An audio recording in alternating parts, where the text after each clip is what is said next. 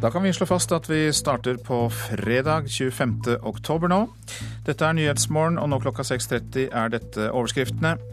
En gisselaksjon pågår i Freiburg sørvest i Tyskland. En mann har tatt tolv gisler i et gatekjøkken.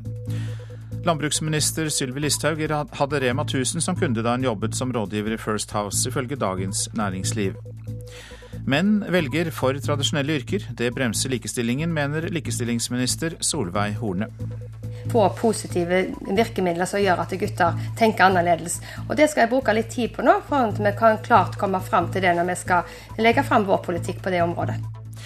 Mer vei i byene gjør at den borgerlige regjeringen bryter klimaløftet. Det mener SV.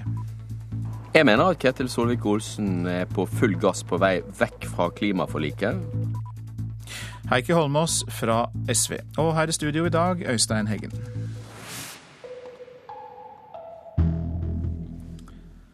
Gisselaksjonen sørvest i Tyskland fortsetter. Mannen som i går kveld forskanset seg i et gatekjøkken i byen Freiburg, har tatt tolv gisler, og det skal være barn blant dem. Politiet har forhandlet i hele natt med 36-åringen bak gisselaksjonen, som nå har vart i et halvt døgn. Mannen er trolig bevæpnet, og politiet regner ham som farlig. Men tidligere meldinger om at han skal ha truet med å sprenge seg i luften, skal ikke være riktig, opplyser tysk politi. Gisseldramaet begynte i går kveld etter at mannen, som tidligere er dømt for brudd på narkotika- og våpenlover, uteble fra et rettsmøte. De tolv personene som er inne i gatekjøkkenet med ham, skal være slektninger og venner som kom dit frivillig for å få ham til å overgi seg. Blant dem skal det altså være barn. Gisseltakeren er ifølge politiet i følelsesmessig ubalanse. Det sa utenriksmedarbeider Wenche Eriksen. Politiets sikkerhetstjeneste, PST, frykter at penger fra innsamlinger i Norge går til å finansiere terror i Syria, skriver Dagsavisen. Siden 2011 har privatpersoner sendt mer enn 59 millioner kroner i kontanter fra Norge til Tyrkia, ifølge tall fra tollvesenet, og PST mistenker at en del av disse pengene går til Al Qaida-lignende grupper i Syria, selv om eh, innsamlerne bedyrer at de går til nødhjelp. Det, det sier informasjonssjef i PST, Martin Berntsen, til eh, Dagsavisen. Landbruksminister Sylvi Listhaug hadde Rema 1000 som kunde da hun jobbet som rådgiver i PR-byrået First House. Det ifølge Dagens Næringsliv. Frp-statsråden jobbet også for Rema etter valget. Sylvi Listhaug har nekta å fortelle hvem hun jobba for da hun var ansatt i First House etter at den ferske landbruksministeren møtte Ole Robert Reitan i debatten og omtalte han ved fornavn, har det vært spekulert i om Rema 1000 har vært på Listhaugs kundeliste. Og jeg tror at det hadde vakt betydelig oppsikt hvis eh, Ole Robert f.eks. skulle selge en av sine Rema-butikker. I dag skriver Dagens Næringsliv at flere uavhengige kilder bekrefter at Rema 1000 har vært en av Listhaugs kunder. Hun har hatt flere møter med dem. Noe av den siste kontakten skal ha vært da den nye regjeringa ønska å åpne for søndagsåpne butikker. Listhaug sier til avisa at hun ikke vil kommentere hvem hun har jobba for. Landbruksministeren har vært under press for å offentliggjøre hvem hun har jobba for i First House, men det er bare departementsråden i Landbruks- og matdepartementet som har fått kundelista. Det er han som skal gi Listhaug råd hvis hun er i tvil om habiliteten sin i en bestemt sak. Reporter her, det var Kristine Svendsen. Den nye likestillingsministeren vil ha mennene på banen i likestillingspolitikken. Solveig Horne mener kvinnene er blitt flinkere enn menn til å velge utradisjonelle yrker. I dag møter Horne de nordiske likestillingsministrene i Stockholm, og da er det først og fremst mennene hun vil snakke om. Og da vil jeg som likestillingsminister prøve å bringe fram eller bringe inn menns, menns sitt perspektiv òg i likestillingsdebatten. For vi ser at vi har store utfordringer i forhold til unge gutter som har et stort frafall i videregående skole, men òg menn inn i familiepolitikken med et mer likestilt familieskap. Regjeringsplattformen har et kapittel om likestilling. Der står det mye om kvinner, men lite eller ingenting om menn. Likestillingsministeren velger likevel å sette mennene på dagsorden når hun møter sine nordiske kolleger i dag. Begrunnelsen er at gutta henger etter. Jentene er blitt mye flinkere til å både ta høyere utdanning og gjøre utradisjonelle yrkesvalg, sier Horne. Hun er forberedt på motargumentet om at regjeringen gjennom bl.a. å kutte fedrekvoten oppmuntrer familiene til å ta mer tradisjonelle valg enn det motsatte. For både Høyre og Fremskrittspartiet så er det viktig at vi gir familien en valgfrihet, og at både mor og far er likeverdige inn i det foreldreskapet. Eh, så er det en, eh, en reduksjon på ned til ti uker. Det er ikke dermed sagt at eh, ikke far skal stå en større del, men at ikke staten går ned og bestemmer hvor stor del far skal være hjemme. Vi har tro på det at far i mye større grad kan ønske å, være hjemme med, med, ungene sine med den nye endringen som skjedd, men at det er opp til familien sjøl å fordele de ukene. Horne vil bruke sitt første nordiske ministermøte til å sanke ideer fra sine kolleger om tiltak de har satt i gang for å få menn til å gjøre andre valg enn de gjør i dag. Det trengs flere menn i skolen, i barnehager og barnevern og helsefag, og da må det positive tiltak til. Kvotering er ikke denne regjeringens politikk, sier likestillingsministeren, som lover konkrete tiltak på sikt. Hvilke har hun ikke svar på ennå. Ja, Det gjenstår å se, og det er der jeg er åpen eh, og, og lyttende. Eh, jeg vet i hvert fall det at denne regjeringen eh, ikke ønsker å satse på noe kvotering, men på en måte få positive virkemidler som gjør at gutter tenker annerledes. Og Det skal jeg bruke litt tid på nå, for at vi kan klart komme fram til det når vi skal legge fram vår politikk på det området. Når du snakker om menn på din første likestillingskonferanse, hvordan tror du reaksjonene vil bli på det? Jeg tror at det kanskje kan komme noen reaksjoner, men det tror jeg er bare bra. Men det er viktig å få fram at denne regjeringen har altså en universell likestilling som i sin plattform. Og vi ønsker å ha fokus på, på, på likeverd, og at menn og kvinner er likeverdige. Likestillingsminister Solveig Horne til reporter Alf Hartgen. Nå til Kina. En ankedomstol øst i landet har stadfestet livstidsdommen mot den tidligere toppolitikeren Bo Xilai. Han var en karismatisk partileder i byen Chongqing og medlem av kommunistpartiets politbyrå, men eh, karrieren fikk en brå slutt i forbindelse med drapet på en britisk forretningsmann et drap eh, kone ble dømt for. Asia-korrespondent Anders Magnus, du er med, for, med, med oss nå. og Hva ble Boshilai dømt for? Han ble dømt for eh, korrupsjon og maktmisbruk. Eh, relativt små beløp, egentlig. Og man mistenker nok at han hadde tatt mye større beløp både fra statskassen og i bestikkelser fra andre. Men eh, allikevel fikk han altså livstidsdom, eh, og det er jo mange som peker på at det er andre motiver som ligger bak. Ja, hva kan det være? Det er først og fremst eh, politiske motiver. Boshilai var jo den som kanskje var den sterkeste utfordreren til han som nå sitter på toppen i Kinas kommunistparti, Xi Jinping, som også er Kinas president. Så det var viktig for Xi å få Boshilai ut av verden. Og denne dommen eh, er jo da et eh, tegn på at eh, han nå må holde seg unna all politikk for resten av sitt liv. Det er også nå stadfestet av den høyere domstolen.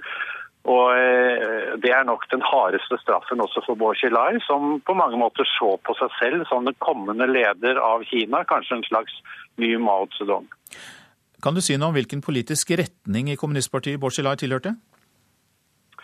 Det er ikke så lett å snakke om retninger lenger, fordi eh, først og fremst så dreier det seg om makt. Men han brukte eh, en slags venstresidetaktikk ved å eh, gi folk billige boliger. Han rustet opp parkene i byen og angrep kriminalitet i den byen han var leder for. Så han ble veldig populær. Man kalte han en populist. Han var flink til å snakke til folk, så han ble veldig populær.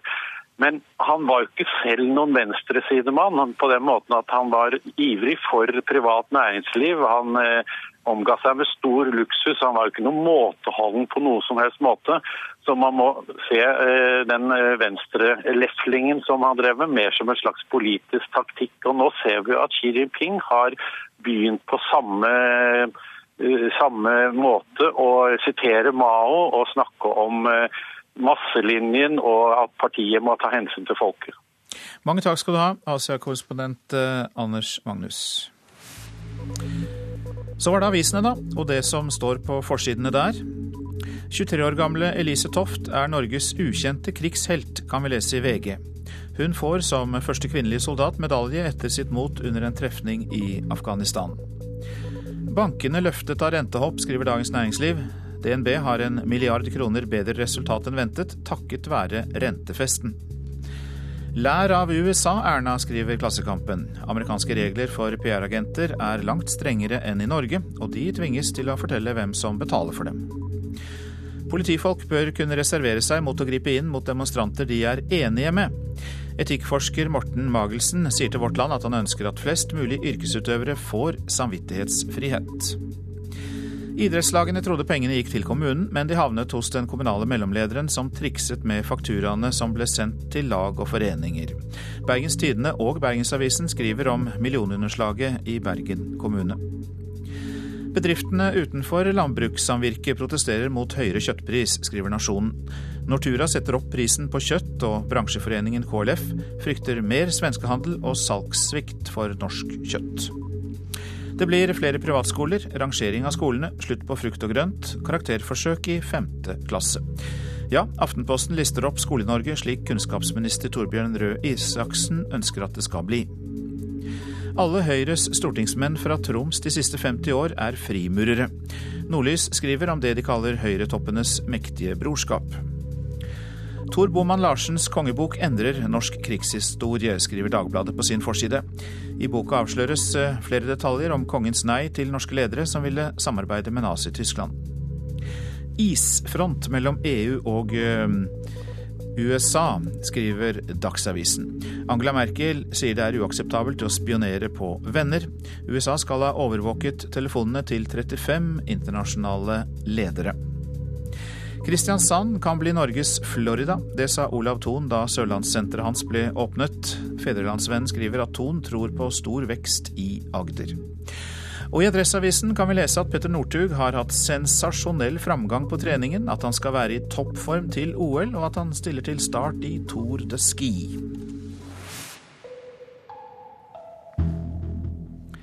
I dag faller dommen mot mannen som er tiltalt for drapet på Sigrid Giskegjerde Skjetne. Opplesningen av dommen starter i Oslo tingrett klokka ni. Det er stor spenning knyttet til utfallet av saken. I dag får Ingrid Ruth Giskegjerde og Tom Skjetne vite hvilken dom den tiltalte i drapet på dattera Sigrid Giskegjerde Skjetne får. Foreldrene har gjennom sin advokat Harald Stabel uttalt at de er forberedt på at den tiltalte 38 år gamle mannen fra Ålesund vil anke dommen. Den tiltalte har gjennom rettssaken nektet for å ha drept Sigrid, og han er opptatt av å få frem at han ikke har psykiske plager. Samtidig sitter foreldrene til Sigrid igjen med mange spørsmål om hvorfor og hvordan dattera døde. Sigrid forsvant natt til den 5. august i fjor fra Østensjø i Oslo, og ble en måned senere funnet død i et skogholt på Kolbotn i Akershus, like ved den garasje som den tiltalte leide. Den tiltalte ble sammen med den 65 år gamle mannen som eide garasjen, men som nå er ute av saken, pågrepet på Kolbotn 3.9. I dag får den tiltalte dommen sin, og det gjenstår å se hvilke etterspill den vil få. Reporter Henrik Agledal orienterte.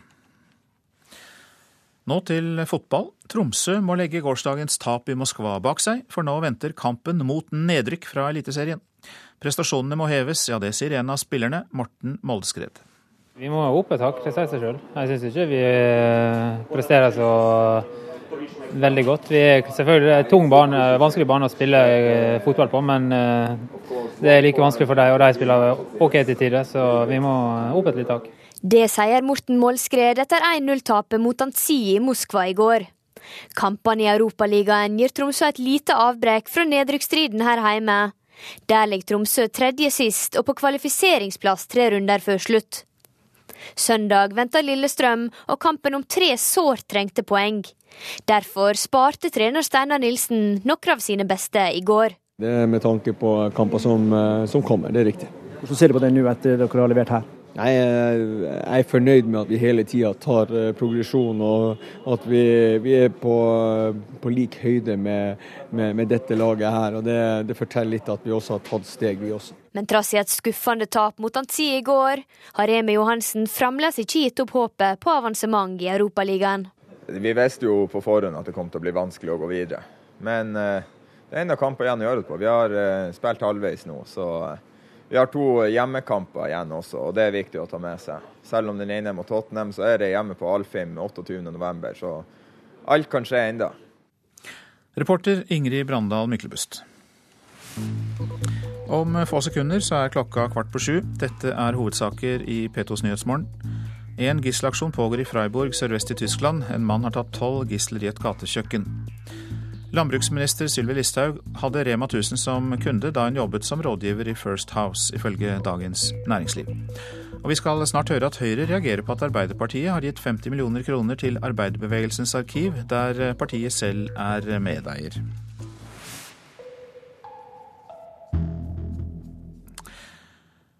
Men først om vei og klima. Kan regjeringen bruke mer penger på vei i byene uten å bryte sitt klimaløfte?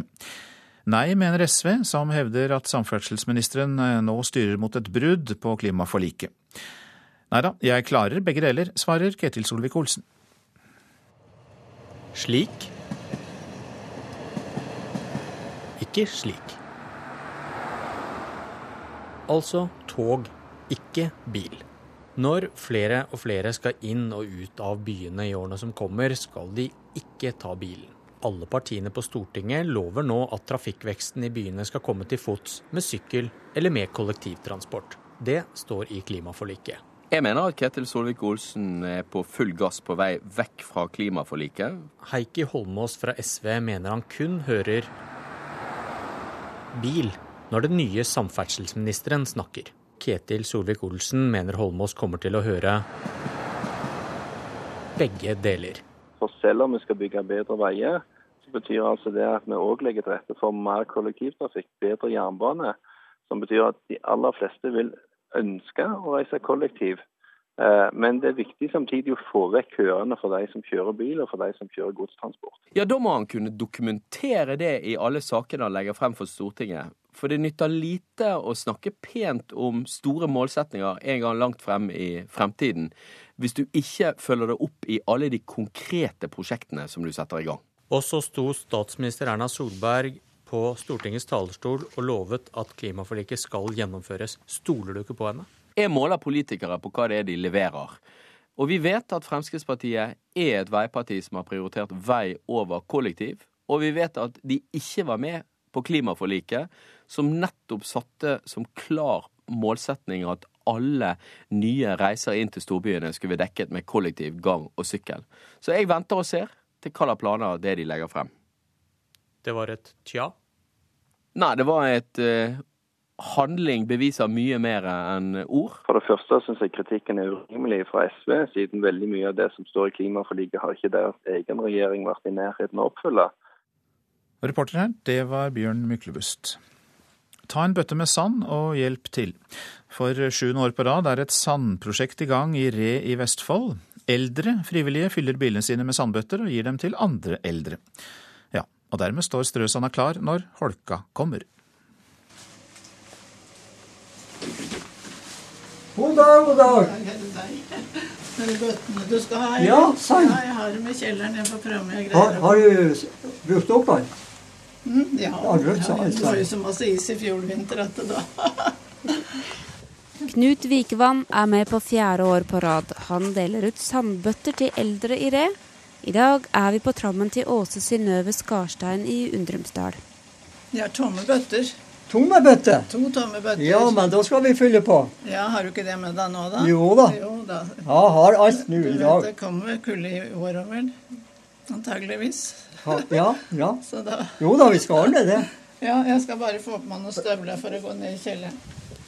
Prosjektet er en storstilt dugnad der ASFO skaffer gratis sand og fyller bøttene. Eldreforeninger stiller med folk, slik at alle kommunens innbyggere over 67 år har en bøtte med strøsand på trammen før snøen kommer. Det forteller ordfører Torvald Hillestad. Og Tanken er jo at de skal ha den på, på trammen sin, og så skal de strø når det er behov for det, så de ikke de tusler ut i bare slåbrok og tøfler og sklir på isen når du skal hente avis om morgenen. Ole Greis er Re kommune sin koordinator for Trygge lokalsamfunn, et nettverk tilknyttet Verdens helseorganisasjon for å skape trygghet der folk bor. Nei, Nytt i år er at vi har kjøpt inn brodder som vi selger til eh, en billig penge på servicekontoret. Og Det følger med da et brev til pensjonistene eh, når de får denne bøtta og sanda, hvor det står noe om det. da, Så kan de komme ned og kjøpe det. Men det er til veldig subsidiert eh, pris fra kommunens side. Hvor mange lårhalser har dere spart? Å ja. Nei, det var Du, jeg har ikke sett 100% på det, men det har faktisk eh, Vi så på en sånn Det er så vanskelig med statistikk der. Men jeg mener å ha sett at vi har gått ned fra 10-11 stykker og ned til 4-5. Wow, Og det har sikkert blitt flere eldre òg? Ja, det har det sikkert også. Ja da. Eh, men i hvert fall så er det Fallskader er jo en av de viktigste Ikke viktigste, men en av de som det, er, det skjer flest skader. Det gjør jo gjennom fall, og særlig gjennom eldre. Eller at eldre faller hjemme. Så det er jo verre enn bilulykker og alt som er det, mange ganger. Dette Mange dør jo faktisk av det etterpå. Av alvoret i det. Og i tillegg til å hindre bruddskader er selve jobben med å dra hjem til folk hyggelig, synes Knut. Og det var I fjor forleden år da var det jo veldig glatt. Og da var det mange som lovpriste meg for at jeg hadde kommet med, med sand. Og da var jeg måtte jeg etterfylle òg. Ble du glad, da? Hva? Ble du glad, da? Ja, det var jo hyggelig, det. Det var hyggelig det, men jeg syns eldre folk er jo stort sett veldig hyggelig. Men hun kommer så plutselig, Håka, vet du. Plutselig en morgen du våkner, så er det Men du vet, i fjor var det jo helt Det var helt sånn tjukk is her. Vi fikk jo ikke Så det var jo godt. Jeg har jo både brodder og staver. Og, og han mannen min, han parkerte jeg i stolen, eller en sofa. Han fikk sitte der i fjor vinter. Takk skal du ha. Ja, vær så god. Må du bare være forsiktig. Ja da, ja da. Og ha, ha sandbøtta klar, husk det. Innenfor døra når det blir glatt. Ja da. Jeg skal tenke på deg da, vet du. Ja. Ja, der hørte vi Åse Synnøve Skarstein, som fikk eh, sandbøssa-bøtta, skal det være, på trammen. Eh, reporter Knut Vikevann. Høyre reagerer på at eh, Arbeiderpartiet doblet støtten til et arkiv de selv er deleier i. Den rød-grønne regjeringen ga over 50 millioner kroner i samlet støtte til arbeiderbevegelsens arkiv over statsbudsjettene. Høyre vil vite hva pengene har gått til. Å være fremst i fylkingen når det gjelder å hevde organisasjons, arbeiderklassens interesser. Dette opptaket fra 1938 er det eneste kjente opptaket av arbeiderpartipolitiker Martin Tranmæl.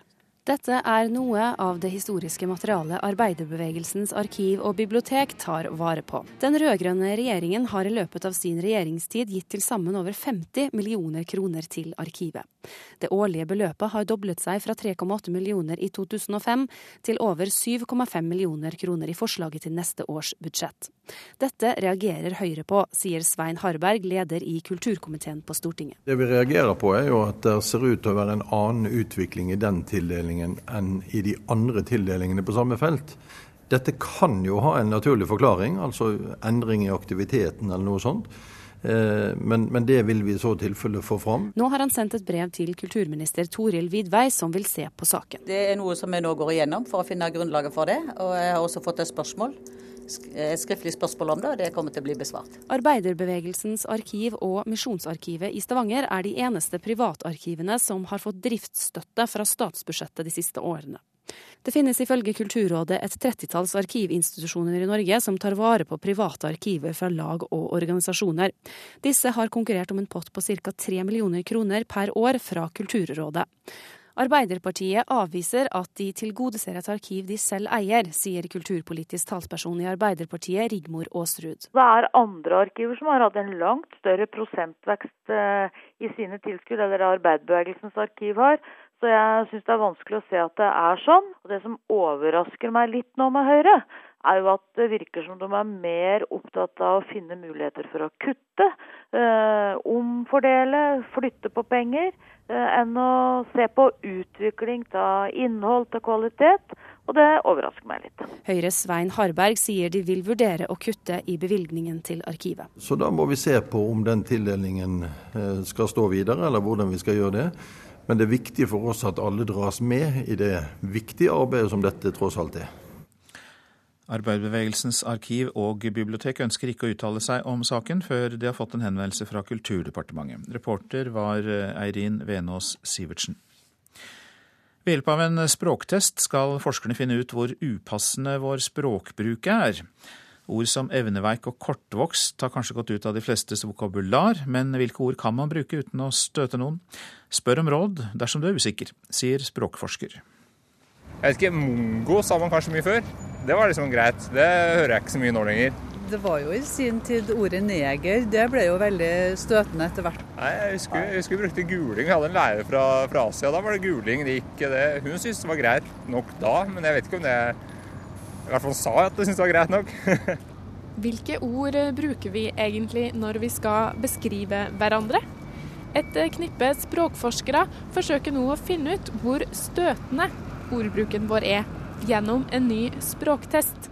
Ja, dette her er jo noe som folk strever med daglig. Å finne ut av hva det er som er det passende ordet å bruke i, i ulike situasjoner.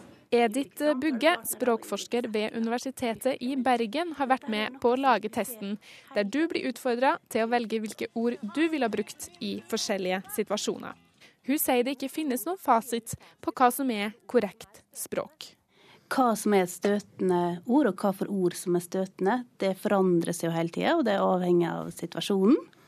Og det er avhengig av hvem du snakker med, og hva de oppfatter som støtende. Skal vi spille da, Else? Hvem kan seglakler uten vind? I dette første programmet vil vi vise barn som bor hjemme, og som er så heldige å ha plass på et av de meget få daghjemmene for evneveike her i landet. På 60-tallet var det akseptert å bruke ord som evneveik i Rikskringkastingen, mens man i dag ville ha valgt helt andre ord. Selv om støtende ord blir bytta ut med tida, er det ikke alltid at meningsinnholdet endres, sier språkforsker Bugge. Og vi ser det at for, for en del ord så har vi nesten en slags um, altså, uh, utbytting, hvor man bare bytter ut ordet med jevne mellomrom, uten at man egentlig forandrer holdninga til, til det som ordet beskriver. Og er du usikker på om det du sier kan virke støtende, så anbefaler språkforskeren deg å spørre om råd. Alminnelig folkeskikk å spørre folk hva de helst vil kalles sjøl. Og om du veit det, så er det jo enklere. Reporter her, det var Helga Ragnstad. Og mer om dette kan du finne på nrk.no kultur. Så tar vi været. Fjell i Sør-Norge. Oppholdsvær, etter hvert perioder med sol. I kveld liten kuling utsatte steder. Etter hvert blir det regn. Først kommer regnet i Langfjella, og snø over 1000 meter. Østlandet og Telemark ser vi samlet. Det blir pent vær. Fra seint i ettermiddag regn riktignok, først i vest. Agder får oppholdsvær. I ettermiddag øker det til sørøst liten kuling på kysten. I kveld forbigående stiv kuling vest for Lindesnes. Og så kommer det regn fra vest. Vestlandet sør for Stad oppholdsvær. Fra i ettermiddag sørøst opp til sterk kuling på kysten og regn fra vest. Møre og Romsdal sørvest liten kuling, enkelte regnbyger, snø over 1000 meter. Fra i ettermiddag blir det oppholdsvær, mens det blir regn igjen seint i kveld. Trøndelag sørvest sterk kuling på kysten. I formiddag minkende til liten kuling, seinere frisk bris. Det blir regnbyger i Trøndelag, snøbyger over 800 meter. I kveld blir det oppholdsvær. Helgeland og Saltfjellet sørvestlig liten kuling, sterk kuling i sør. Og det blir regn. I ettermiddag minker det til bris og minkende nedbør også. Salten og Ofoten regn og sludd, snø i høyden. Fra i ettermiddag minkende nedbør. Lofoten og Vesterålen nordøstlig liten kuling. Fra i ettermiddag bris. Litt sludd eller regn i sør. I kveld lettere vær. Troms og Finnmark oppholdsvær. I kveld snøbyger i vestlige kyststrøk av Finnmark. Så til Finnmarksvidda. Der blir det litt snø i sør, ellers oppholdsvær. Nordensjøland på Spitsbergen. Det kommer litt snø først på dagen, seinere oppholdsvær. Så tar vi for oss temperaturene, og disse her ble målt klokka fem i natt. Svalbard lufthavn minus åtte. Kirkenes null grader. Vardø pluss to. Alta minus én. Tromsø-Langnes pluss to. Bodø tre. Brønnøysund åtte. Trondheim-Værnes sju grader. Molde også sju. Bergen-Flesland seks. Stavanger sju. Kristiansand-Kjevik seks grader. Gardermoen sju. Lillehammer to. Røros hadde minus to, og Oslo-Blindern hadde pluss fire grader klokka fem.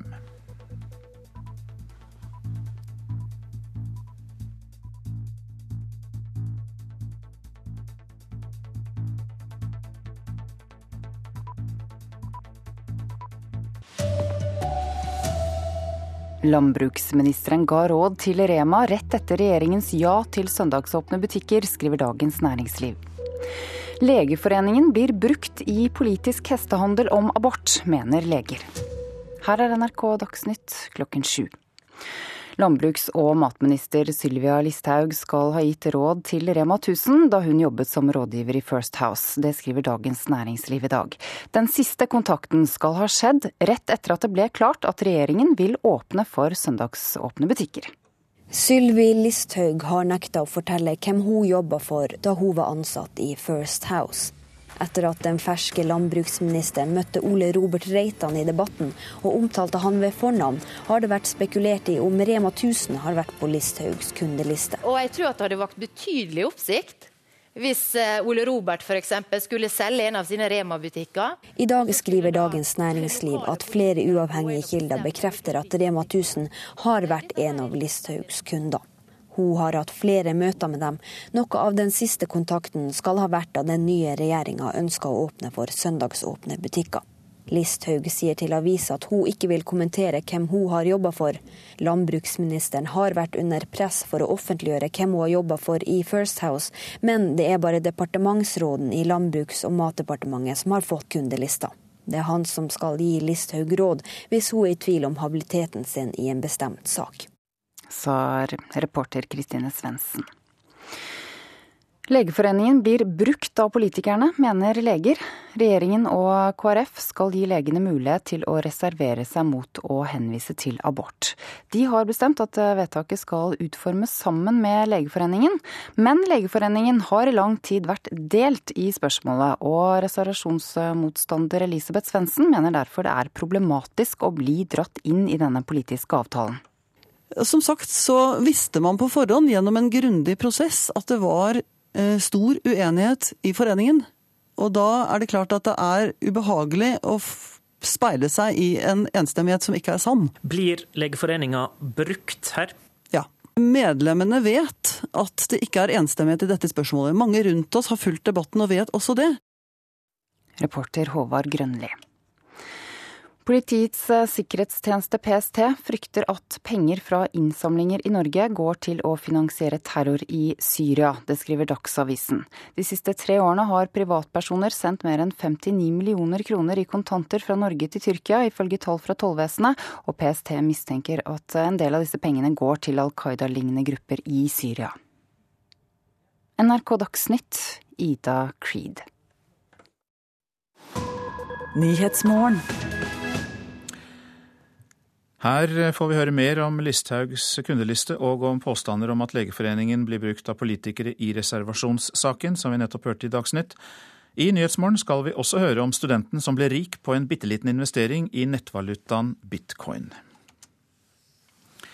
Men først til landbruksminister Sylvi Listhaug, som hadde Rema 1000 som kunde da hun jobbet som rådgiver i PR-byrået First House. Da hun skal også ha gitt råd til Rema 1000 eh, etter stortingsvalget, men altså før hun ble landbruksminister. Reporter Linda Reinholdsen, hva slags jobb har hun gjort for Rema? Ifølge skjulte kilder som Dagens Næringsliv har snakka med, så skal hun ha vært eh, en av flere sentrale First House-medarbeidere som har gitt råd til matvaregiganten.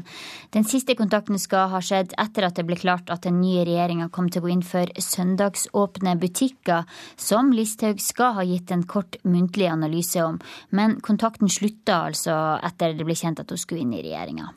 Hva sier eh, Sylvi Listhaug om det selv?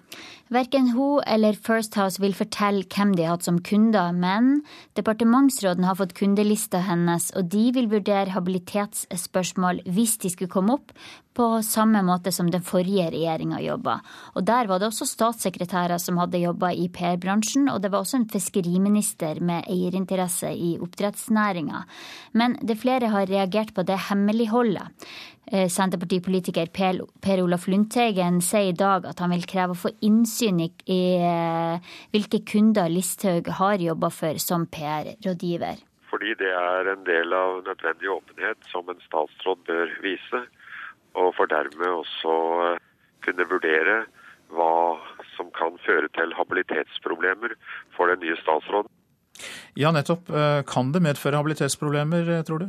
Nei, det behøver ikke å bety. Inhabilitet betyr jo at man har personlige interesser i en sak som skal saksbehandles, slik at man ikke er nøytral, eller i selskapssammenheng at man har økonomiske egeninteresser. Og om Listhaug har gitt råd til Rema 1000 eller noen andre, så behøver ikke det å bety at hun er inhabil. Og så er det flere selskaper i matvarebransjen eh, som landbruks- og matminister Sylvi Listhaug har eh, det øverste ansvaret for. Eh, som er åpne om at de er kunder hos First House. Det er vel VG som skriver om det i dag? Ja, de har fortalt til VG at de er kunder der. Og de selskapene er Orkla, Coop Norge, Axellus AS, som produserer Mølles Tran og Nutrilett, Coca-Cola, Norges Bondelag, Dagligvareleverandørenes forening, Norsk sjokolade, Sjokoladefabrikkers forening, NHO Mat og Drikke og Bryggeri- og matvaregiganten eh, sier at de får hjelp av eh, First House. Takk for den orienteringen, Linda Reinholdsen. Nå skal det dreie seg om nettpenger. Som student brukte Kristoffer Koch ca. 150 kroner på internettvalutaen bitcoin. Kursen på valutaen steg til himmels, og nå har han brukt fortjenesten på en treroms leilighet på Tøyen. Vi bor nå her nå, så bad og kjøkken og sånt funker. og Kristoffer Koch trekker bort plasten som dekker inngangen til stua, og skritter over malingsspann. Leiligheten ble hans pga. en nærmest tilfeldig investering han gjorde for tre år siden som student. Bitcoin, en internettvaluta, virket spennende da, men han glemte det hele i arbeidet med masteroppgave og jobbsøking. Så, i april, dukket bitcoin opp i mediebildet. Fordi kursen hadde skutt i været.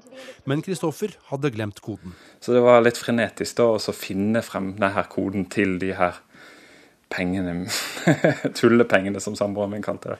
Etter et døgn med leting fant han til slutt passordet. Så Da klarte jeg å finne frem, og da lyste det jo mot meg at jeg hadde stående 5000 bitcoin som jeg kunne bruke som jeg ville.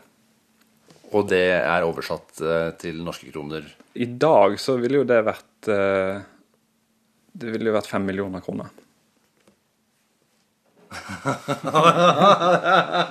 Bitcoins are digital coins you can send through the internet. Compared to other alternatives, bitcoins have a number of advantages. Bitcoin er en internettvaluta uten statlig styring. Ingen sentralbank setter renten, og ingen regjering vedtar å trykke opp flere sedler eller mynter. Hvem som står bak, er ikke kjent. I utlandet kan du bruke den både til netthandel, men også på barer og kafeer via en smarttelefon. Nå har også norske aktører tatt bitcoin i bruk. Det er eh, veldig enkelt å betale med bitcoins. Det er eh, Per Øyvind Skar, ansvarlig redaktør for teknologinettstedet hardware.no, viser hvordan abonnentene skal gå frem for å betale med bitcoin. Så Hvis vi nå klikker på, på, på bitcoin, så ser du at jeg taster bare inn bitcoin i den. Og trykker på 'bekreft og betal'. Og så enkelt er det i praksis. Siden i sommer har ca. 40 av hans abonnenter valgt denne løsningen. For oss har det vært et eksperiment å liksom prøve ut eh, og tilrettelegge for, eh, for, det. Det har vært morsomt for oss å se, se responsen i markedet, rett og slett. Så dette er en ny måte å tenke verdier på? Sier skattedirektør Hans Christian Holte. Han påpeker at bitcoin og annen nettvaluta er momspliktig, og gevinster skal det skattes 28% av. Dette er snakk om økonomiske verdier som eh, også har skattemessige konsekvenser. Å her råd til å pusse opp, da. Og så finne Kristoffer Koch har til nå hentet ut 1,1 millioner kroner av bitcoin-investeringen, som han opprinnelig fikk kjeft for av kjæresten. Nei, hun syns jeg bruker penger på mye tull. Jeg, eh, og dette her var jo det verste av alt, da, hvor jeg kjøpte noen tullepenger for uh, Brukte flere hundre kroner på det. Hva sier hun nå? Nei, eh, hun sier at jeg skal få lov å kjøpe de tingene jeg vil. Reporter her, det var Fredrik Lauritzen. Og med oss fra studio i Førde er du Sturle Sunde. Du jobber med informasjonsteknologi, men på fritida så har du kjøpt og solgt bitcoins til nordmenn siden 2010. Og hvor stor er interessen? Eh, interessen har eh, steget jevnt og trutt i det siste. Eh, jeg har solgt eh, sjøl bitcoin til godt over 1000 personer. Jeg har sjekka litt eh, omsetninga på de markedsplassene som finnes i Norge. Og det er iallfall eh, omtrent to millioner siste måned, og det stiger hos alle sammen. Omsetning i Norge? Omsetninga i Norge er ca. to millioner, men det er bare det som er registrert i Norge. Du har jo òg eh, de store aktørene som handler på de internasjonale børsene. Men det er jo sånn at den er uten statlig styring, og vi vet ikke hvem som står bak dette her? Ja, det er helt rett. Det er en helt uavhengig internettvaluta. Uh, han er ikke basert på noe som helst. Uh, det ligger ingen andre Han er bare verdt det han er verdt i seg sjøl. Det ligger ingenting i onde som gir han verdi. Det er ingen stat som garanterer for han eller noe. Får du trøbbel uh, ved tanken om at det er en risiko for at denne valutaen kan bli brukt til å hvitvaske penger, og til og med til kriminalitet? Det er jo noe jeg tenker på hele tida. Altså Av de reguleringene vi har i Norge som gjelder bitcoin, så er ikke det så mange. Eh, Finanstilsynet ser ikke på det som penger. Eh, og, og Samme EU-direktivet, betalingstjenestedirektivet og e-pengedirektivet gjelder jo ikke bitcoin. Men hvitvasking må en være obs på. Hvitvaskingslova gjelder jo. Eh, så det er jo noe som en, en skal tenke på. Men foreløpig så har ikke omsetninga vært sånn at det har vært noe, noe har tenkt Eh, grundig gjennom. Men du tenker likevel over det. Ja, Du sier at man skal være obs på det. Hvordan klarer du å være obs på å forhindre det, unngå det? Eh, jeg unngår store kontanttransaksjoner. Eh, det Hvitvaskingsloven sier at en skal melde fra ved mistenkelige kontantbetalinger på over 30 000 kroner. Uh, og i tillegg, så, så, lenge alt går gjennom banker, alle betalinger går gjennom banker, så er det de som er ansvarlig for å følge den lova. Men hvor kan denne bitcoin brukes? Vi hørte jo her i innslaget at uh, denne karen hadde kjøpt for 150 kroner og hadde latt det ligge i noen år, og så plutselig steg, uh, steg det. Men, men, han hadde jo da investert i det og så tatt pengene ut. Men hvordan kan det helt tatt brukes? Ja, på internett er det veldig mange som tar eh, bitcoin. Der kan du eh, kjøpe omtrent alt det skal være med bitcoin. Du kan, eh, ja, du kan kjøpe fysiske ting. Du kan kjøpe alt fra reise til Nord-Korea til ja, du kan kjøpe absolutt alt på internett for bitcoin. Jeg har òg brukt bitcoin til å kjøpe fysiske ting. Jeg snakket nettopp med en kompis. Han hadde fått 20 bitcoin av meg i 2010. Det er jo noen penger nå. Han hadde vært på pub på tirsdag i England og betalt med bitcoin. Eh, jeg har sjøl kjøpt meg middag i Berlin for bitcoin. Eh, så du kan bruke det veldig mange plasser etter hvert. Og du kan ta ut utbytte? Jeg kan ta ut, kan ta ut noe utbytte, men Uh, og de som har kjøpt av meg tidlig, de, uh, blant de første som kjøpte av meg i 2010 og 2011, har jo hatt veldig god avkastning på pengene. Så du hørte over innslaget. Er du fornøyd med det du har tjent da, Sturle Sunde?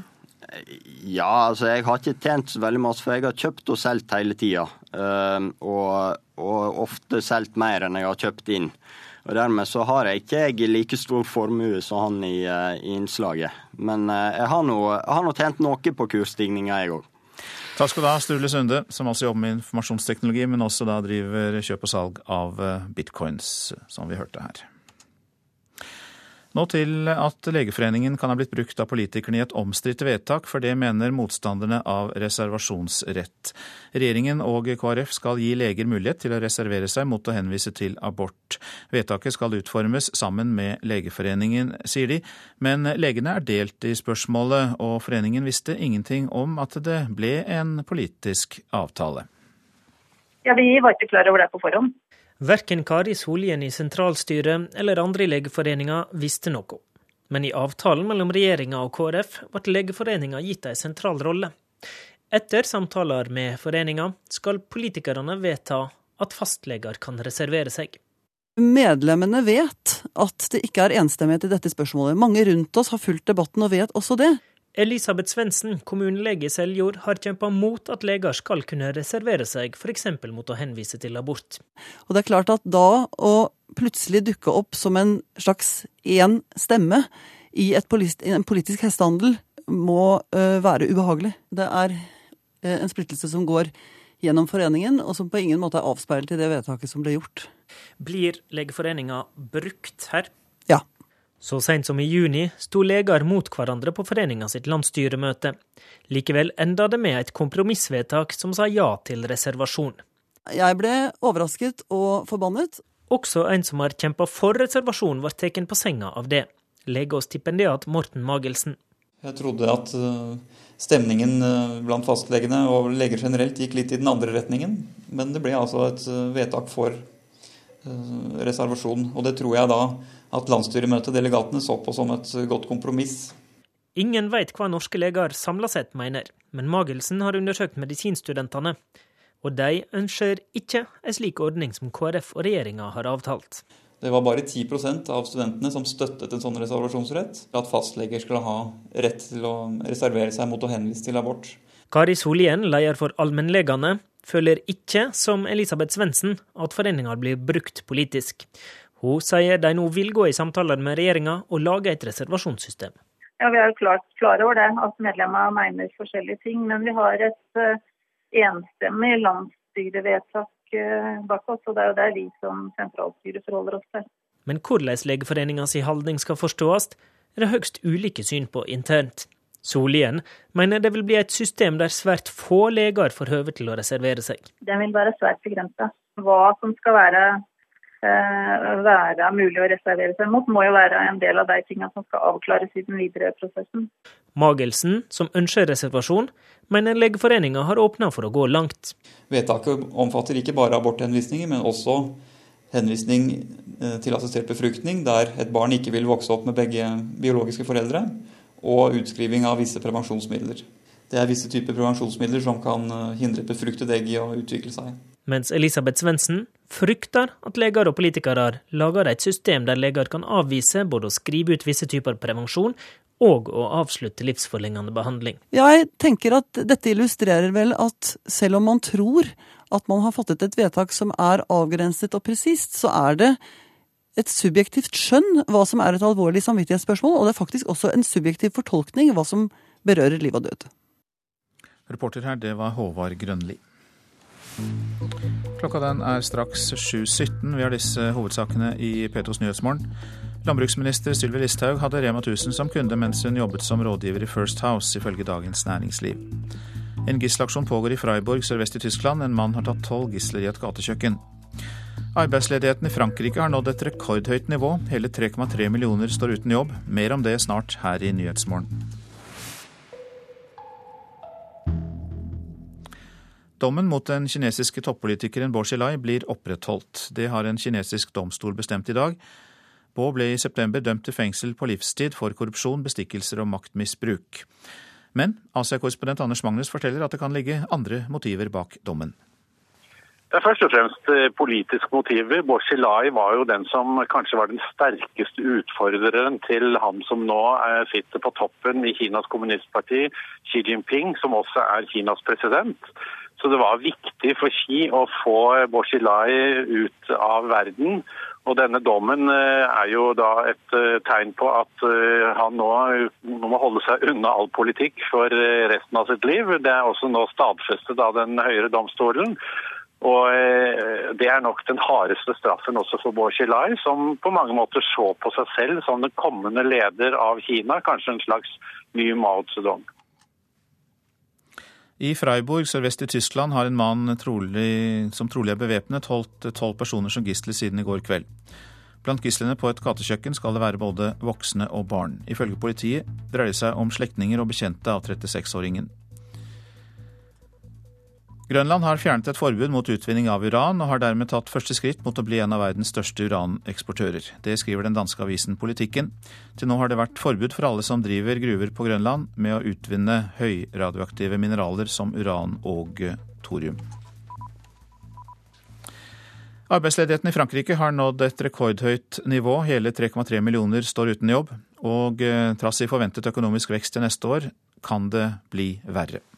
Des entretiens, des entretiens, des CV, des CV, il n'y a rien qui se passe. Det er bare intervju på intervju, CV etter CV, men ingenting skjer. Så ja, etter en stund gir du opp. Du vil ikke lenger våkne opp om morgenen. Tiffein er på jakt etter jobb på et arbeidsformidlerkontor i Paris. Men køen av jobbsøkere er lengre enn noen gang. Nye tall viser at nærmere 3,3 millioner mennesker nå står uten arbeid i Frankrike. Økonomen Bruno Ducodre sier at det er venta en liten økonomisk vekst til neste år. Men trass i bedre økonomiske utsikter og nye tiltak fra regjeringa, er arbeidsløsa likevel venta å øke enda mer i 2014. For de mange uten jobb i Frankrike betyr det at også neste år blir en tålmodsprøve. Jeg kan bare si at ting er ved det samme. Ingenting endrer seg. Selv om jeg får intervju her og der, så får jeg ingen jobb, sier en annen ung jobbsøker i Paris. Men situasjonen i Frankrike er ikke enestående. Arbeidsløse er et stort problem i flere EU-land, og det er særskilt de unge som blir råka. I Hellas står over 60% av de under 25 år uten jobb. Derfor er det også venta at arbeidsløse blir et tema under EU sitt toppmøte i Brussel i dag. Det sa reporter Kjersti Hetland. Overvåkningsskandalen mellom USA og Tyskland ble det store temaet under EU-toppmøtet i Brussel i går. Og eh, korrespondent Åse Marit Befring, du følger møtet. Hva er de seneste reaksjonene som har kommet fra EU-toppene?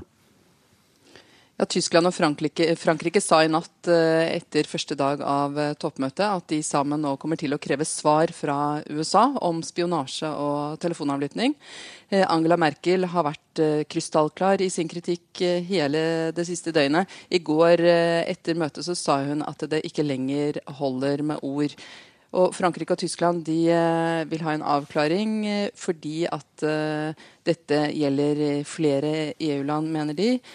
De vil nå kartlegge eller kreve et svar på hvor mange land som har vært overvåket. Og Italias statsminister sa at dette skal de gjøre på vegne av europeerne. EU-lederne drøftet også andre temaer, bl.a. de mange flyktningetragediene i Middelhavet. Hva kan unionen gjøre med det? Ja, I dag så skal de snakke om eh, situasjonen for flyktninger i Middelhavet. Fordi at Hellas, Malta, og Kypros og Italia kommer til å be dem om å vise mer solidaritet. Eh, men de skal i gang med et grenseovervåkingsprogram allerede nå i desember. Eh, det mener de også skal kunne berge liv med at man oppdager båtene mens de er ute på havet. Eh, og så er det ventet at EU vil love mer penger til å hjelpe disse landene som har den største belastningen for migrasjonen. Men også menneskesmuglere kommer til å være i fokus. For uten at de finner en vei på å bekjempe dem, så vil de heller ikke klare å stanse denne farlige trafikken over Middelhavet. Takk skal du ha, europakorrespondent Åse Marit Befring.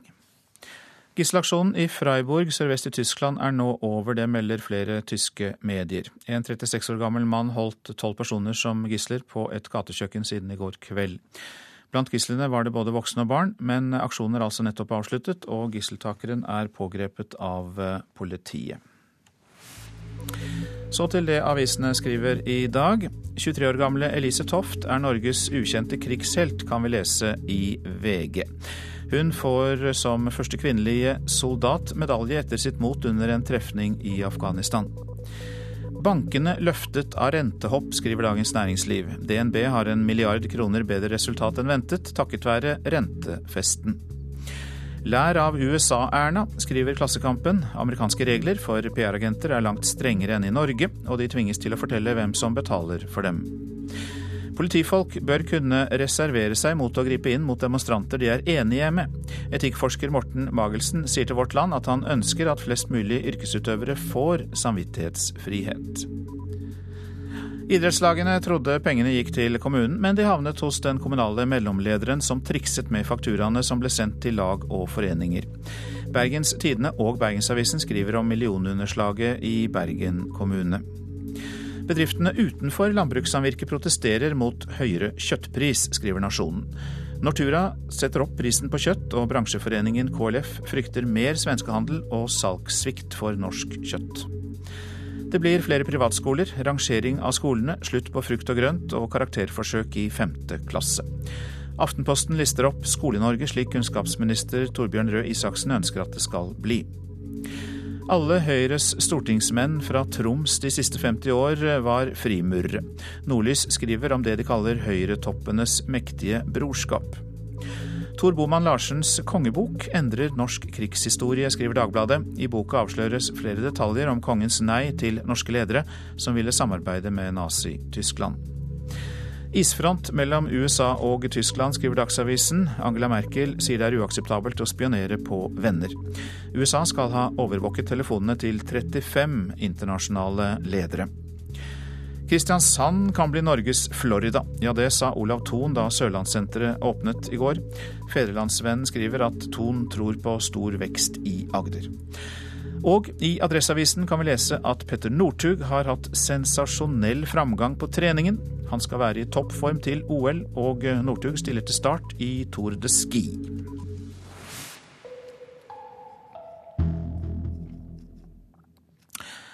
Nå skal vi høre at Vegvesenet intensiverer kontrollene med vogntog som går over fjellet nå i høst. Ett av tre vogntog som passerer grenseovergangen ved Svinesund har ikke norske kjennemerker, og mange av disse er dårlig skodd for norsk vinterføre. Vogntog med dårlige dekk det er en utfordring, men det gjelder ikke bare de utenlandske. Det sier overingeniør Pål Brekke i Statens vegvesen. Faktisk ikke bare utenlandske, også norske er det ikke problemer, men, men utfordringer med. Ja. De kjører for, med for dårlige dekk.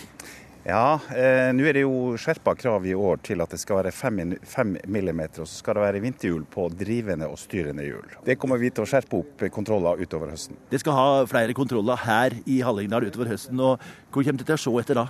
Det er jo dekkutrustning og kjetting. Sikring av last, kjør- og hviletid.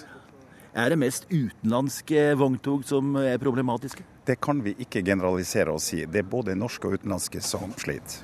Bjerke vil ikke si når og hvor Statens vegvesen og politiet vil foreta kontroller, spesielt på tunge kjøretøy. Men at det blir flere kontroller på vogntoga denne høsten, kan han garantere.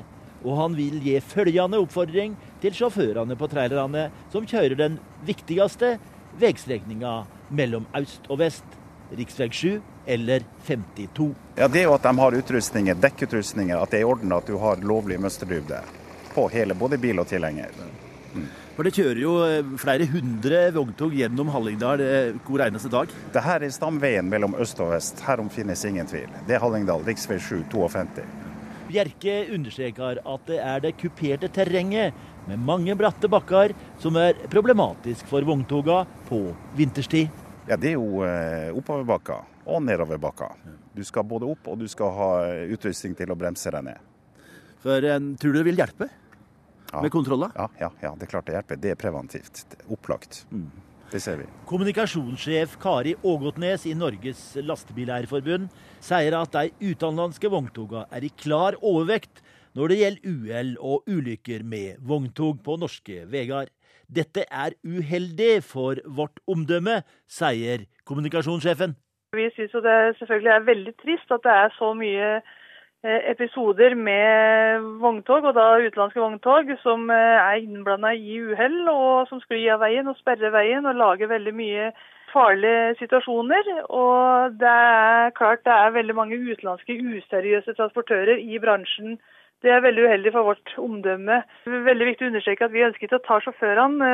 Det er gjerne bakmennene og de store transportør, transportørene og selskapene som står bak, som vi eh, ønsker skal settes mye større krav til. Vi mener at økt kontroll i alle ledd, og ikke minst på grensene, og helt klare krav til de som skal operere i Norge, det er det som må til. Det har jo vært også på tale å kontrollere mer på grensa inn til landet eh, for utenlandske vogntog. Eh, hva mener du om det? Altså Den trafikken over du kan si Svinesund er så stor at vi, vi, vi har ikke ressurser til, til, å kontrollere alle. Det, det, det, det har vi ikke mannskap til. Men her i Hallingdal kan dere kontrollere? Det kan vi. Og det skal vi. Ja, det sa overingeniør i Statens vegvesen Pål Brekke. Reporter, det var Gunnar Grimstveit. Er du der det skjer? Hele byen og utenfor er svart. Send oss tips og bilde som MMS til 03030 eller e-post til 03030 krøllalfa nrk.no. Nyhetstips 03030. Hvor holder verdens klovner sitt toppmøte? Ja, det kan du lure på. Du får vite det etter Dagsnytt. Mer alvor deretter i Politisk kvarter, når USAs overvåkning av landets allierte er ett av temaene. Prosent for Nyhetsmål i dag, det er Ulf Tannes Fjell. Her i studio Øystein Heggen. Ganske snart så får vi Dagsnytt. Vi legger til at eh, websiden radio.nrk.no kan være verdt et besøk. Der kan du høre alle NRKs radiokanaler. Og du kan spole deg tre timer bakover hvis du vil høre noe du ikke fikk med deg. Det er også mulig å laste ned enkeltprogrammer fra denne websiden, altså radio.nrk.no.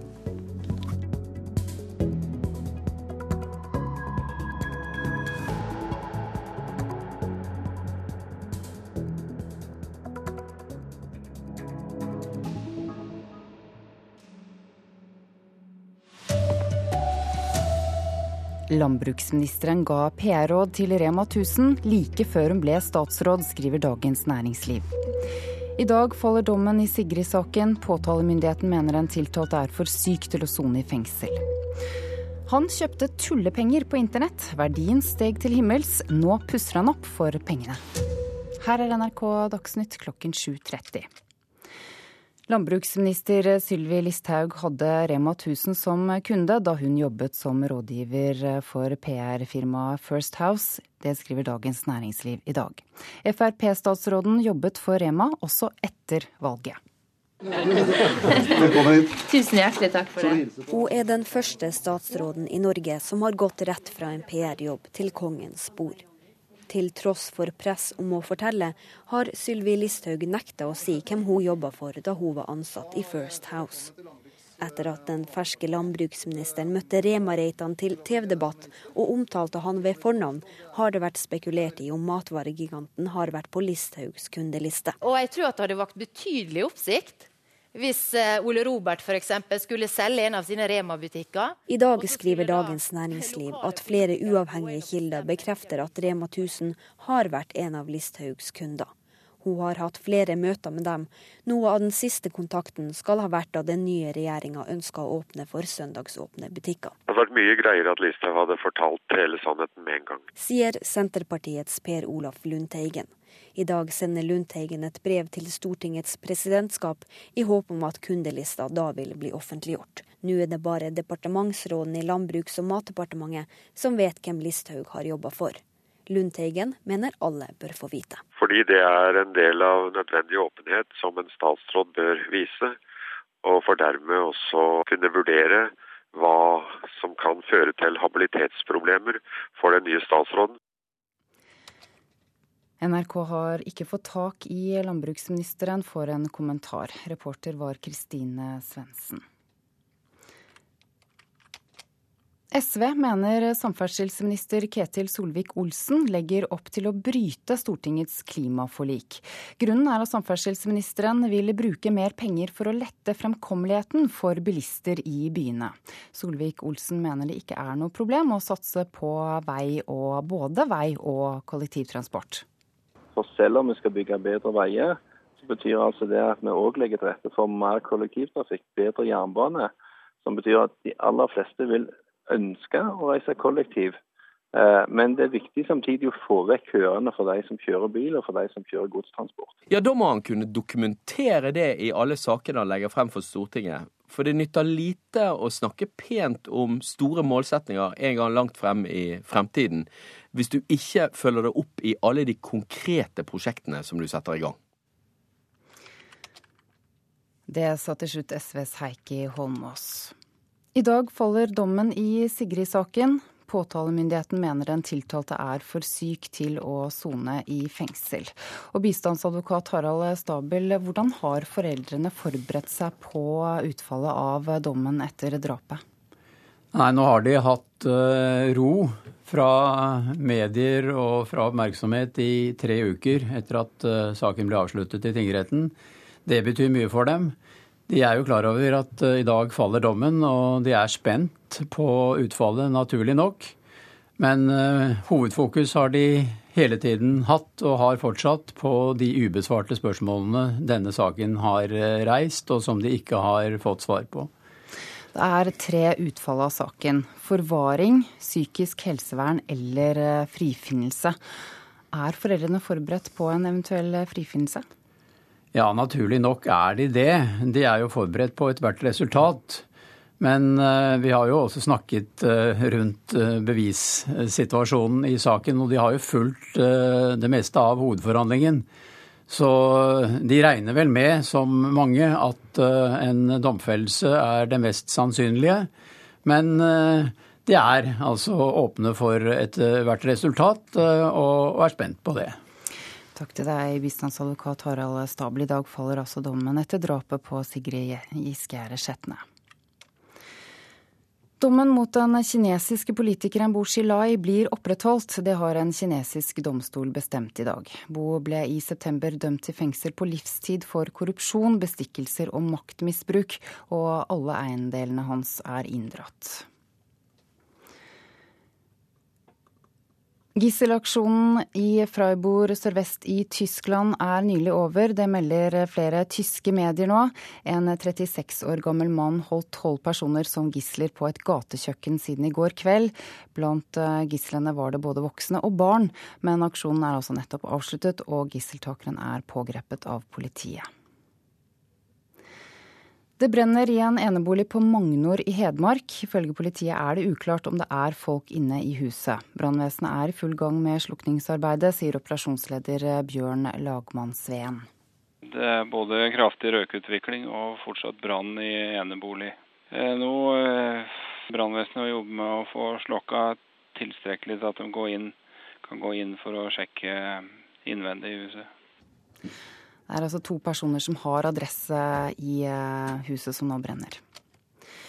En ung norsk mann har gjort store penger på den nettbaserte valutaen bitcoin. Som student brukte Christoffer Koch ca. 150 kroner på den da ukjente valutaen bitcoin, en pengeform som bare omsettes på internett.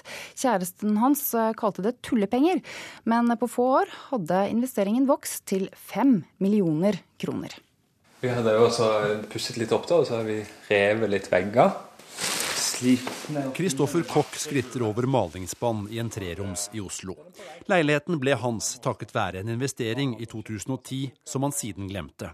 Så, i april, dukket bitcoin opp i internasjonale medier.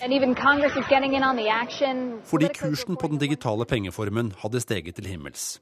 Men Kristoffer hadde glemt koden til sin bitcoin-konto. Så det var litt frenetisk da å finne frem denne koden til de her pengene, tullepengene, som samboeren min kalte det. Etter et døgn med leting fant han til slutt passordet. Og Da lyste det mot meg at jeg hadde stående 5000 bitcoin som jeg kunne bruke som jeg ville. Og det er oversatt eh, til norske kroner? I dag så ville jo det vært eh, Det ville jo vært fem millioner kroner. Bitcoins are digital coins you can send through the internet. Bitcoin er en nettvaluta uten statlig styring. Bare tilbud og etterspørsel avgjør om kursen går opp eller ned. Ikke ulikt en aksje. Hvem som står bak systemet, er ikke kjent.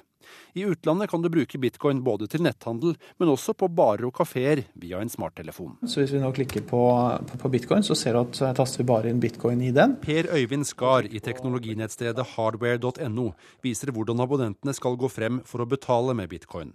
Siden i sommer har ca. 40 av hans lesere valgt denne løsningen. For oss har det vært et eksperiment å liksom prøve ut eh, og tilrettelegge for, eh, for, det. Det har vært morsomt for oss å se, se responsen i markedet, rett og slett. Hardware er foreløpig ett av få norske nettsteder som godtar bitcoin.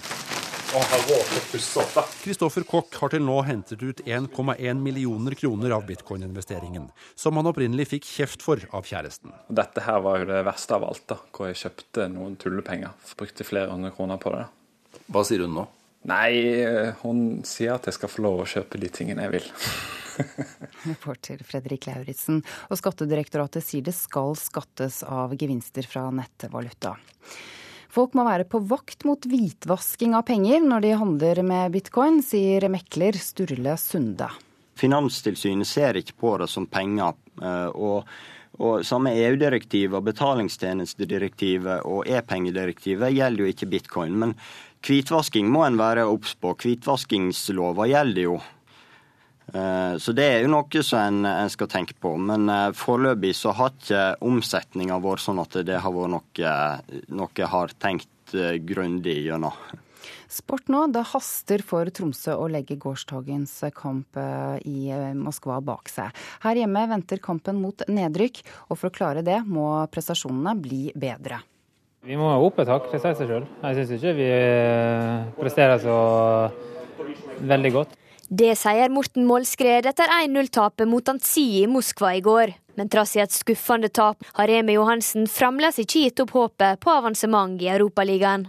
Vi visste jo på forhånd at det kom til å bli vanskelig å gå videre.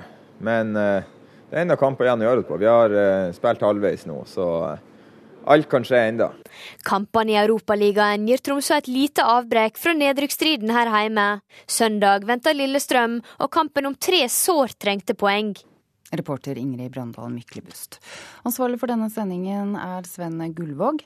Teknisk ansvarlig er Lars Tronsmoen. Jeg heter Ida Creed.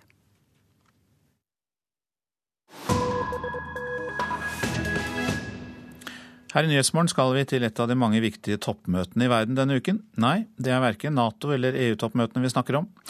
Vi skal til Mexico by, der over 500 klovner er samlet. Men på årets klovnetoppmøte er det ikke bare smil og latter. De er høylytte, fargerike, glade, med struttende hår, små hatter og store, store sko. De kommer fra hele det amerikanske kontinent og marsjerer gjennom gatene i Mexico by for å markere at 500 klovner fra tolv land er samlet til den 18. årlige klovnekonferansen, forteller klovnen Pingo. Hoy estamos celebrando la décima octava convención de los payasos. Somos 500 payasos, 12 países y venimos a intercambiar experiencias sobre cómo ser un mejor payaso. Målet for konferansen, også kjent som Latterfestivalen, er å utveksle ideer gjennom seminarer og workshops, for å komme fram til de beste kostymene, de mest oppblåste skoene, den fineste sminken og de mest finurlige triksene. Vi trener for å bli bedre, så vi får mer arbeid, forteller klovnen Pompin. Og rosinen i pølsa. Et 15 minutter langt latteraton for å spre glede i den enorme byen. Men alt er ikke bare smil og latter. Francisco Rafael Arellano Félix fue asesinado anoche en el municipio de Los Cabos, Baja California.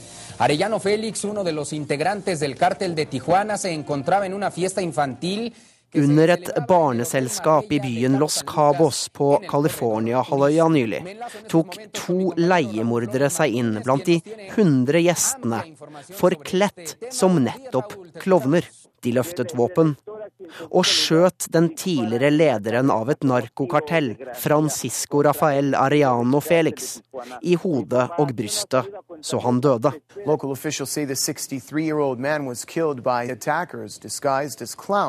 Drapet blir møtt med avsky og harme i Mexicos klovnemiljø. Vi klovner er motstandere av vold, sier Thomas Morales, en av klovnene.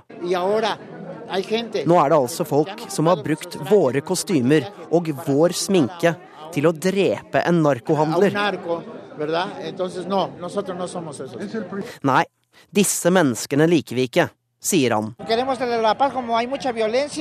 Vi ønsker oss fred. Det er altfor mye vold her i Mexico, sier Esteban Garcia, også han klovn.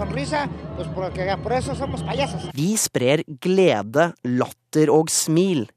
Det er derfor vi er klovner, sier han.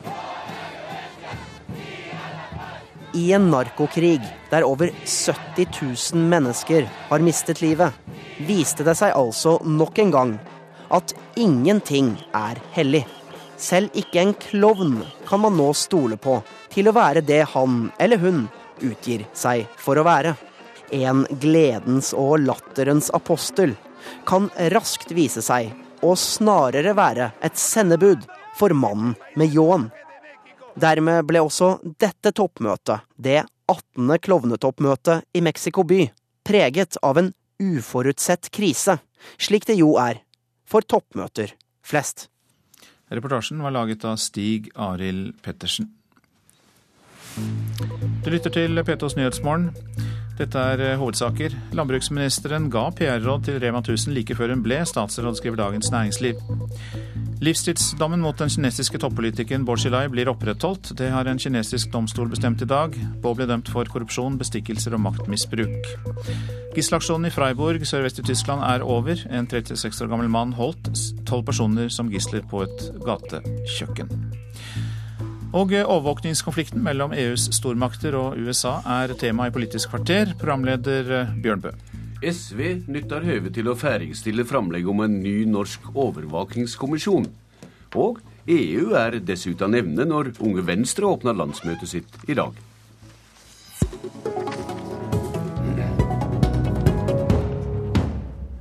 Men eh, først i Politisk kvarter. I dag er det en ny runde med uro kring landbruksminister Sylvi Listhaugs tidligere virke som kommunikasjonsrådgiver. Hvordan kommenterer du at dette holder fram nestleder i SV, Bård Vegar Solhjell? Altså, jeg tror vel at statsminister Erna Solberg kanskje bør trå til å redde landbruksministeren nå.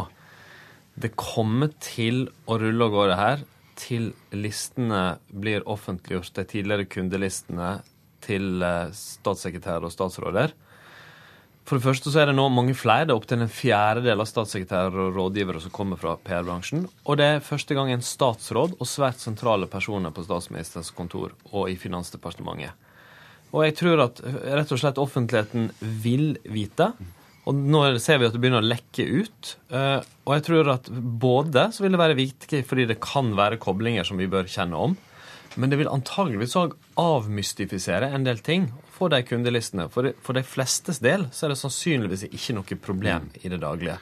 Så nå bør statsministeren ta tak i den saken her. Hvis ikke må Stortinget vedta en lovendring som sikrer åpenhet. Jeg hører at du vil regjeringa vel. Nestleder i justiskomiteen i Stortinget, Kjell, Kjell Ingolf Ropstad fra Kristelig Folkeparti. Hvordan stiller du deg til Venstres framlegg om et utvida lobbyregister som kom i går? Ja, Tidligere har vi valgt å ikke støtte det forslaget. Eh, men jeg jo, må jo presisere at vi er veldig for at en kan praktisere åpenhet. og Litt av bakgrunnen for at vi har gått mot forslaget for Venstre, har jo vært at eh, hvem er det som skal rapporteres inn i et sånt lobby, lobbyregister? Eh, I politikken i Norge så er vi få, og det er tette kontakter. og Du kan ha kamerater og venner som jobber i nære organisasjoner. og Det å f.eks. ha et lobbyregister for hvem som kommer på Stortinget, kan jo bare bety at ja, da kan du ta et møte utenfor Stortinget. Så i utgangspunktet så, så er ikke vi støtta det. Men jeg vil jo presisere likhet med Bård Vegar at jeg tror jo òg at hvis Listhaug ønsker ro, så tror jeg det hadde vært lurt å fått mer åpenhet mm. rundt det. Ikke fordi at jeg mistenker henne for at hun ikke klarer å vurdere sin egen habilitet, for det skal hun i likhet med alle dere andre. Men jeg tror det hadde roa ned saken hvis du hadde kunnet offentliggjøre sine lister. Med de orda så skifter vi tema og skal videre ut i verden. På EU-toppmøtet i Brussel er det sterk øsing over påstandene om massiv USA-overvåking av europeiske borgere, kanskje også av toppsjefene i Tyskland og Frankrike. Motsetningene har altså store dimensjoner. Hva har dette med Norge å gjøre, Bård Vegar Solhjell? Du er også utenrikstalsmann i SV. La meg først si at vi, vi, vi vet jo ikke alt om hva som er riktig og galt i det vi nå leser i avisene. Det er mange påstander. Men dersom det stemmer at USA har, har eh, avlytta sentrale statsledere, så er jo det helt uakseptabelt og veldig alvorlig. Og klart, bare påstandene om det, og det at jeg mener å kunne dokumentere det i mange land, er veldig alvorlig. Tenk deg sjøl hvis lytterne her, hvis jeg jobber i en bedrift eller en offentlig institusjon, og så får jeg vite at en, en viktig samarbeidspartner i en annen bedrift eller institusjon avlytter. Det vil være veldig ødeleggende for tillit. Det har altså nytta høvet til å komme med framlegg om en ny norsk overvåkingskommisjon, eh, på linje med Lund-kommisjonen, kan du vel si. I hva grad er dette uttrykk for dykkar gamle USA-skepsis? Altså, eh, SV vil ønske at vi skal sette ned en overvåkingskommisjon. og jeg vil si Det har lite med USA å gjøre, men mye med eh, tryggheten til norske borgere og evnen til å forstå de endringene som nå skjer. Eh, poenget med en overvåkingskommisjon er at den for det første kan tegne et bilde av hvordan er overvåkinga i dag i det daglige i Norge, med økt bruk av kamera, registrering av opplysninger, og den nye spionasjen, den nye overvåkninga med de teknologiske mulighetene som er. Men ikke minst bør en overvåkingskommisjon ha som oppgave å foreslå hvordan vi bedre kan forebygge for ledere i Norge, for regjering og storting og politikere, men særlig for enkeltmennesker i Norge. Hvilke forhåndsregler bør vi ta i forhold til datasikkerhet og andre ting? Det har vært vanskelig å få representanter for regjeringspartiene hit for å snakke om de påståtte eh, overvåkingsskandalene. Men du er altså nestleder i justiskomiteen i Stortinget for Kristelig Folkeparti, fremdeles Kjell Ingolf Ropstad. Hva er din refleksjon om overvåkingsdramatikken? Jeg deler langt på vei det samme som Solhjell òg her sier. Det er uakseptabelt det som kommer fram dersom det stemmer. Eh, og det eskalerer jo egentlig òg bare. De siste døgnene så har jo òg eh, saken blitt større og større. og Jeg tror det òg viser behovet for at Norge òg er tydelig i internasjonale sammenhenger når det gjelder personvern, når det gjelder overvåkning. Og det være seg land vi ikke nødvendigvis samarbeider tett med, og land vi samarbeider veldig tett med. Og nå snakker vi om selveste USA. Ja, og, og, det er klart at jeg må jo innrømme at jeg er ikke veldig overraska over at USA driver ut, utbredt overvåking og etterretning. Alle land driver det.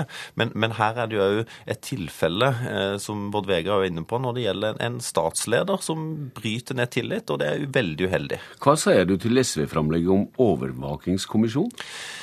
Ja, Nå har ikke jeg fått eh, sett det og, og fått diskutert det i gruppa, men, men, i utgangspunktet så ønsker jeg å stille meg åpen til, å, til å, å, støtte et sånt forslag. Eh, det er iallfall viktig at en har et større fokus på personvern, på overvåking. Og Det dreier seg mm. tillit mellom land, men det er jo være altså Personvern er et verdispørsmål. Det mm. handler om integritet. Det handler om å, å kunne være, eller verne om sitt eget privatliv. og Derfor så er jo vi opptatt av at en skal få regler som hindrer for mye overvåkning i grenselandet som vil være mellom sikkerhet sikkerhet, kamp mot terror og andre ting, ja. mot personvern. Ja, her er grenseganger som du er inne på. Den norske regjeringa varsler en mer offensiv politikk i høve til EU. Bård Vegar Solhjell, hva fellesinteresser har Norge med EU i den pågående striden med USA?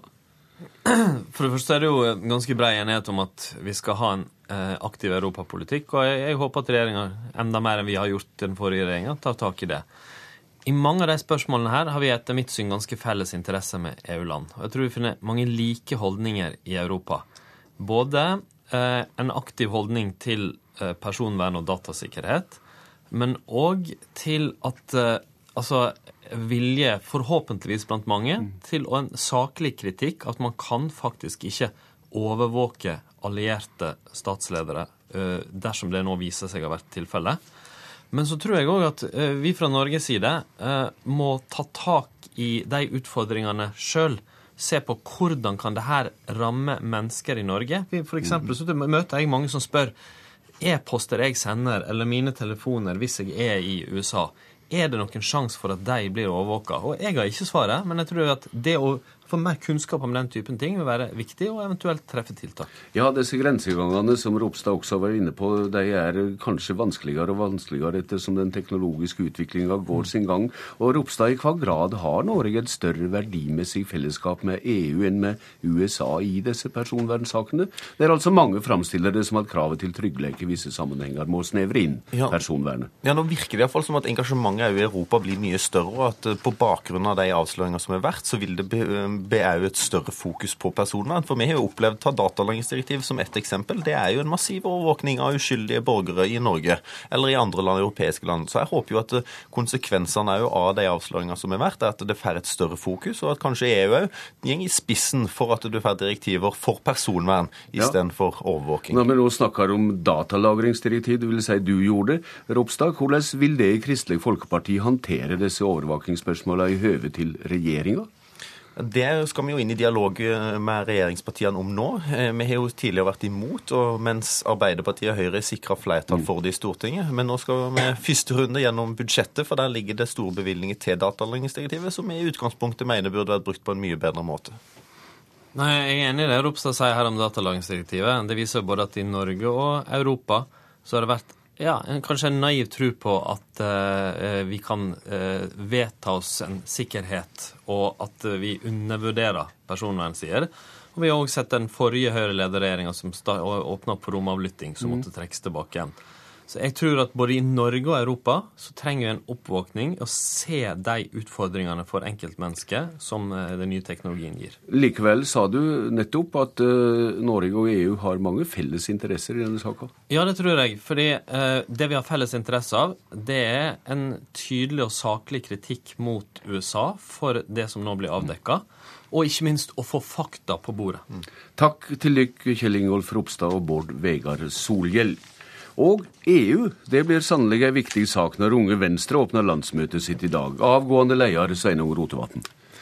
Ja, EU er alltid en viktig sak hos oss, og jeg kommer nok til å snakke om det i talen min også. og Det handler jo om at eh, vi som et ungdomsparti er opptatt av demokrati, og opptatt av at Norge skal delta i det europeiske samarbeidet. Ja, Hva blir ditt testamente til dine etterfølgere om hvordan Venstre bør te seg i høve til Høyre og Fremskrittspartiet ved sida av EU-saka? Jeg eh, mener jo det at det er viktig å nå bygge videre på det borgerlige samarbeidet som en har eh, inngått, og at en jobber tett sammen, og at Venstre jobber for å få gjennomslag for våre saker som handler om skole, som handler om miljø, som handler om en liberal justispolitikk i det samarbeidet. Jeg tror nok Mitt viktigste budskap til Unge Venstre i dag når jeg skal tale til landsmøtet, vil være at en som ungdomsparti alltid må våge å innta radikale standpunkt. En må ikke være redde for å utfordre det bestående, og ikke bare tenke på det som er lurt, men det som en mener er riktig. Det mener jeg er det som har kjennetegna Unge Venstre som ungdomsparti i, i, alle år, og det er jeg opptatt av at eh, skal fortsette å kjennetegne Unge Venstre. Mm.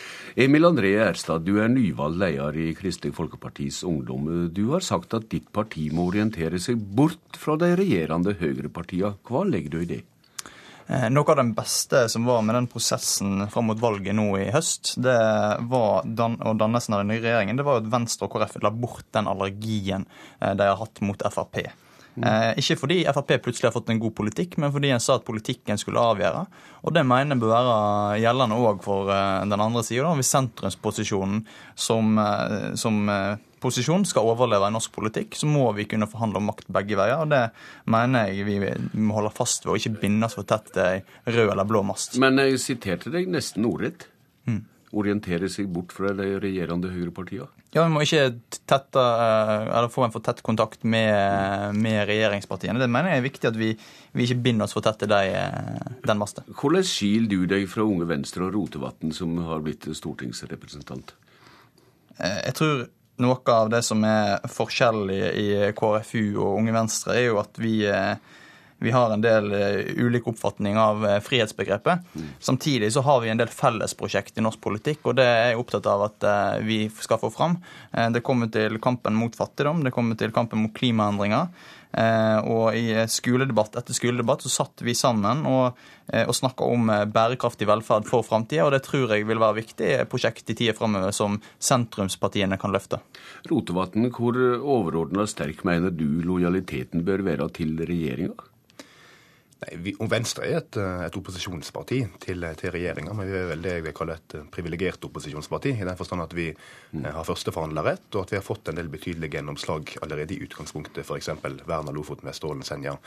Jeg er opptatt av at vi de neste åra nå skal jobbe sammen med regjeringa, være konstruktive. Selvsagt benytte det armslaget vi har i Stortinget til å markere egen politikk, men også få gjennomslag. Og gjennomslag får det gjennom å danne flertall. Og da har vi forplikta oss til å jobbe tett sammen med Høyre-Frp-regjeringa, og det ser vi så langt har gitt gode gjennomslag for Venstre. Erstad, når du har snakka spesifikt om sentrumsorientering, i hva grad tyder det også Arbeiderpartiet? Jeg mener vi må kunne være åpne for at eh, vi ikke utelukker parti på bakgrunn av hva de heter eller hva farge de har. Nå har vi en veldig god avtale med Høyre og Frp, og det var fordi vi, skulle, eh, vi hadde en rød-grønn regjering vi var misfornøyd med, og det mener jeg var riktig at vi fikk en god avtale der med godt sentrumsgjennomslag. Eh, nå må vi heller ikke da gjøre den samme feilen som vi gjorde med Frp ganske lenge, at vi utelukker pga. Eh, partinavn. Jeg mener vi må si at eh, det er politisk gjennomslag som avgjør, og det er avgjørende for eh, sentrumsposisjonen. Og det kan innebære Arbeiderpartiet? Det mener jeg at det, bør, at det ikke bør utelukkes, ja. Hva sier du til det, Rotevatn? Nei, eh, Min mening om det er at nå syns jeg at Arbeiderpartiet og i og for seg også SV og Senterpartiet har godt gått av noen gode år i opposisjon. Nå er det på tide å eh, lufte litt ut og tømme skuffer og skap eh, og føre en ny politikk. Eh, og jeg mener også at den Eh, Trontaledebatten som jeg har vært med på i Stortinget siste veka, viser at eh, de rød-grønne ikke helt har området seg enda, ennå, og fortsatt forsvarer alt det bestående og ser ikke etter nye løsninger. Så jeg er opptatt av at nå skal en bygge et, et borgerlig samarbeid som skal vare en stund. Selvfølgelig betinget av at en får betydelige gjennomslag, men jeg ser jo at det er noe som binder en sammen på borgerlig side. Og det er jo det jeg vil kalle Eh, mange liberale grunnverdier som handler om tillit til sivilsamfunnet, at folk kan velge sjøl. Trua på at markedsøkonomi er det som sikrer best vekst og velstand, og at den en skal hjelpe de som trenger det aller mest. Det er noe som en har felles, og som er viktig å bygge videre på. Erstad, hvor mye godhug har du i moderpartiet ditt, syns du, for synsmotene, mellom annet om å ha en åpen holdning til Arbeiderpartiet? Altså, Å ha en åpen holdning til Arbeiderpartiet på lang sikt, det er, det er en, en, eh, en en jevn tanke i KrF. Det tror jeg veldig mange har. Eh, nå har vi tatt et taktisk valg for dette valget, eh, og vi har gjort en avtale med, som de fleste stiller seg bak. Men jeg tror eh, på lang sikt så kan ikke vi utelukke verken eh, Høyre eller Arbeiderpartiet. Takk til dykk og Rotevatn. Lykke til med sluttsalutt til Unge Venstre. Takk for det. Jeg gleder meg, og det er alltid kjekt på landsmøtet. Politisk kvarter er slutt. Jeg heter Bjørn Bø. Om ikke lenge så kommer Dagsnytt, og seinere kommer Kulturnytt på denne kanalen.